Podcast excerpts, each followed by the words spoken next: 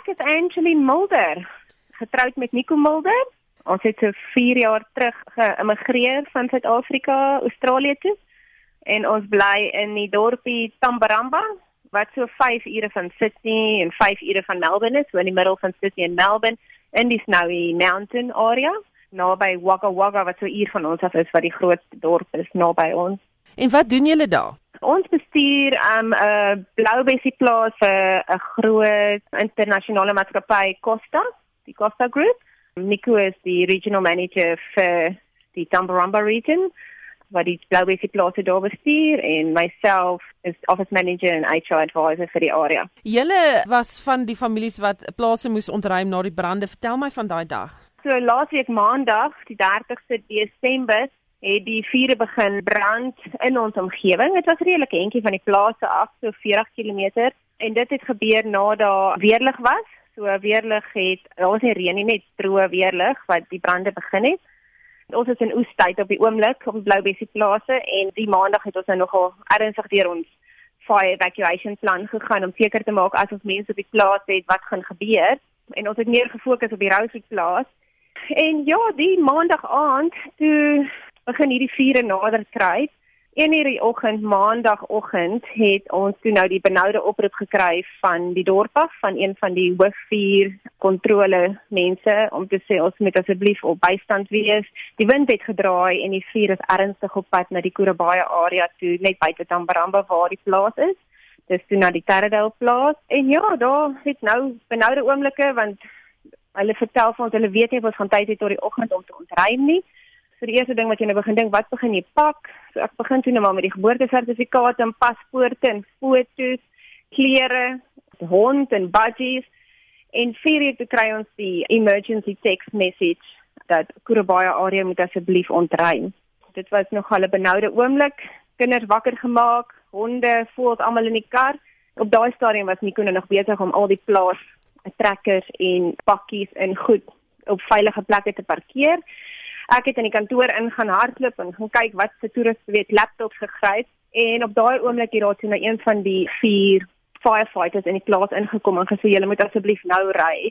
Hulle kan hom nie stop nie en hy wil net kom seker maak hoeveel mense is op die plaas wat moet uit. Hmm. En op daai stadium was dit nou net ek en Nico die kinders en een van ons maintenance supervisor wat ook op die plaas bly.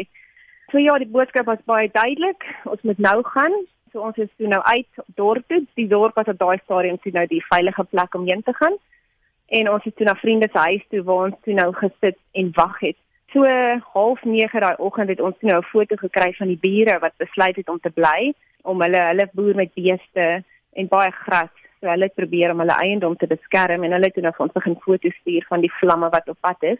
En um, ja, een uur daai middag het ons die volgende foto gekry van die hele pakstoor wat afgebrand het, die trekkers, pakkies. Die hele plaas basies het gebrand.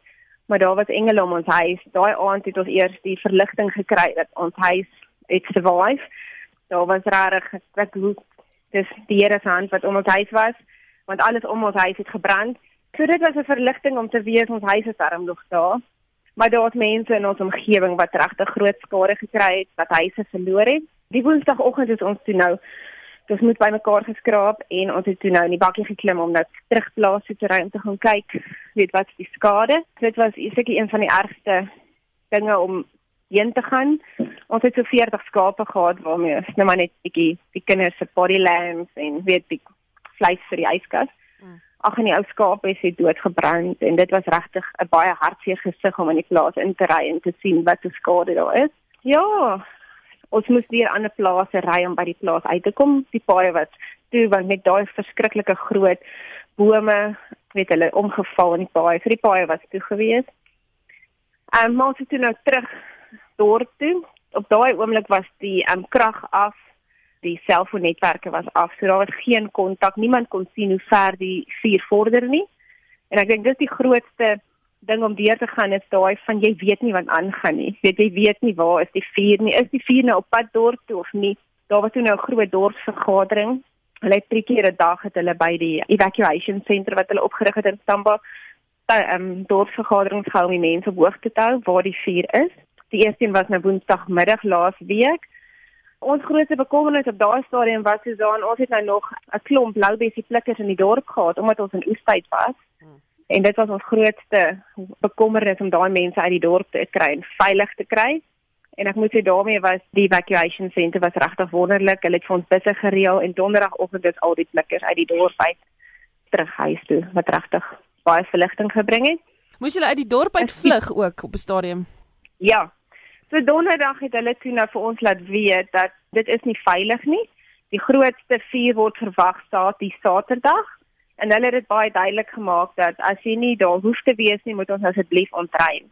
Ons het toe nou nog gebly want daar was dinge wat gedoen moes word op die plaas en Vrydagoggend het ons die laaste dorpsvergadering gaan bywoon almal wat nou nog nie ontruim het nie is toe nou versoek om asseblief die plaas, die dorp te ontruim. So Vrydag was die groot uittog van meeste van die Tambaramba inwoners en die omliggende areas om die dorp te evacuate.